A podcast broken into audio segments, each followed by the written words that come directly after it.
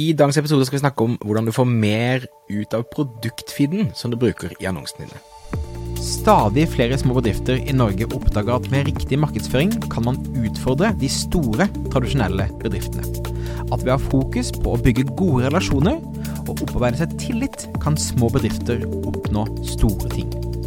Velkommen til podkasten 'Suksess med Facebook-annonsering'. Mitt navn er Thomas Moen fra Moen Co. Vi er et mediebyrå som hjelper små nettbutikker å vokse.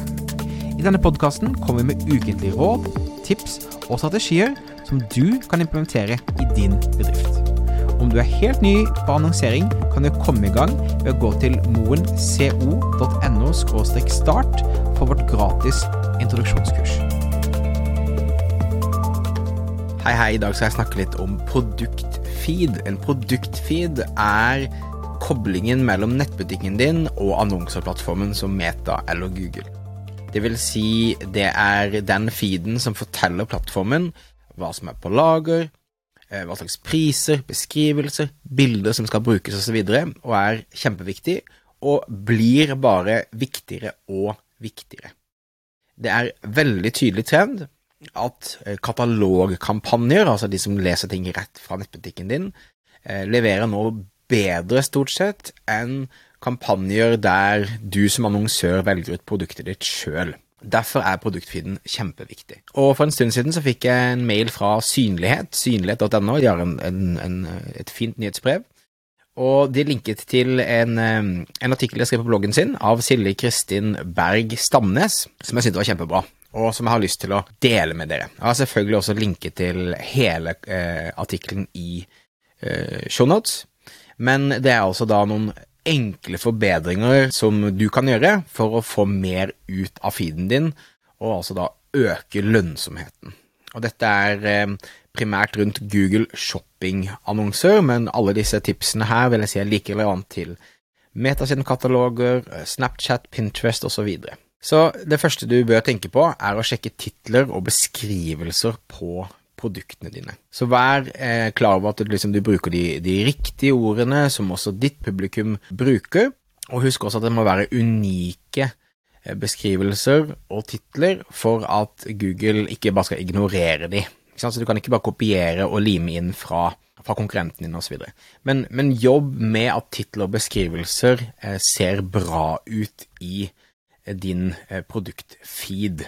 Eh, det kan være veldig negativt eh, hvis det plutselig da eh, ender opp med at de er ikke optimalisert, og du vil da miste trafikk. En annen ting som også Google har vært veldig tydelig på, er det å velge en smart struktur på produkttitlene dine. Hva betyr det? Jo, det betyr at for eksempel for kleskunder så anbefaler da Google å ha først inn merkenavn, kjønn, produkttype og deretter farge f.eks. Så de vil ha inn så mange ting som mulig, sånn at Google kan forstå hva er det som selges, og prioritere det så du kommer høyt opp. Så velg en smart struktur. I eh, artikkelen i Shownotes under punkt to så kan du også se et bilde som har en komplett oversikt over de forskjellige. Men vær sikker på at du svarer på de tingene folk lurer på i tittelen. Det er alltid en god idé. Nummer tre, sørg for at salgsprisen blir mer synlig enn ordinærpris. Det er også da viktig å få inn i feeden din både eh, ordinærprisen og salgsprisen, og sørg for at eh, salgsprisen kommer fram på en god måte, sånn at du får høyere klikkrate og mer engasjement osv. Få inn merkenavnene i produkttitlene er veldig viktig. Det vil si sånn som denne Varsity-capsen som vi bruker her, som er en kunde av oss. La oss si Get Inspired skulle selge Varsity-capser, så er det lurt å få inn Varsity i produkttitlene. Eh, tips nummer fem, ikke begrens deg til det som er pålagt, bruk så mange attributter som mulig. Attributter er altså nesten som et Excel-ark, at det er liksom celler du kan putte inn data i. Og jo mer data du kan gi Google eller Meta eller Snapchat, som ikke nødvendigvis brukes, men som hjelper de å få innsikt på hva slags produkter det er, jo, jo bedre eh, fungerer det. Tips nummer seks ekskluder produkter som er utsolgt på ubestemt tid. Jeg vil kanskje gå lenger og si sørg for å ekskludere alle produkter som ikke er tilgjengelig, eller som bare har noen få antall igjen på lager. For det kan eh, virke negativt når man da kommer f.eks. til et produkt, og så er du en eh, medium, og så er det bare XXL og XS igjen, f.eks., og du har én av hver av de. Så tenk deg godt om på hva slags produkter du ønsker å ha i feeden din, og ekskluder de som da ikke er tilgjengelige, eller som vil skape frustrasjon. Legg inn informasjon om bedriften din i Google Merchant Center. Igjen, alt handler om å gi Google i dette tilfellet så mye informasjon som mulig. Så her kan du da f.eks. informere dem om hvordan du opererer rundt frakt, om det er gratis frakt eller gratis frakt over så og så mye, hvordan du har til returtjenesten din osv. Du kan legge inn logo, profilfarger, sånn at uh, shoppingkampanjene dine ser best mulig ut. Jeg vil også si på slutten her, få bedre kontroll ved å bruke egendefinerte etiketter. Det vil si at du kan bruke egne sånne tags til å organisere informasjonen din på. Eventuelt høymarginsprodukter, lavmarginsprodukter osv. Det er en veldig god måte å få kontroll på. Du kan også da sette opp regler, sånn som at du skal automatisk legge til merkenavn på produkter som mangler osv.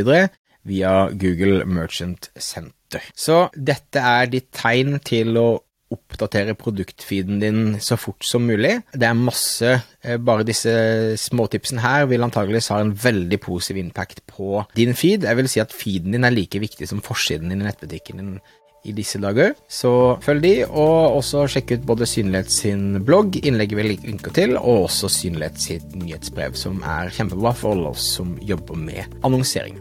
Ok, tusen takk for at du så på, du lyttet på. Om du ikke allerede gjør det, så kan du abonnere for å få med deg fremtidige episoder. Kommer ut en ny episode hver eneste onsdag. Eh, mitt navn er Thomas Moen. Vi høres igjen neste uke for en ny episode av Suksess med annonsering. Ha det fint.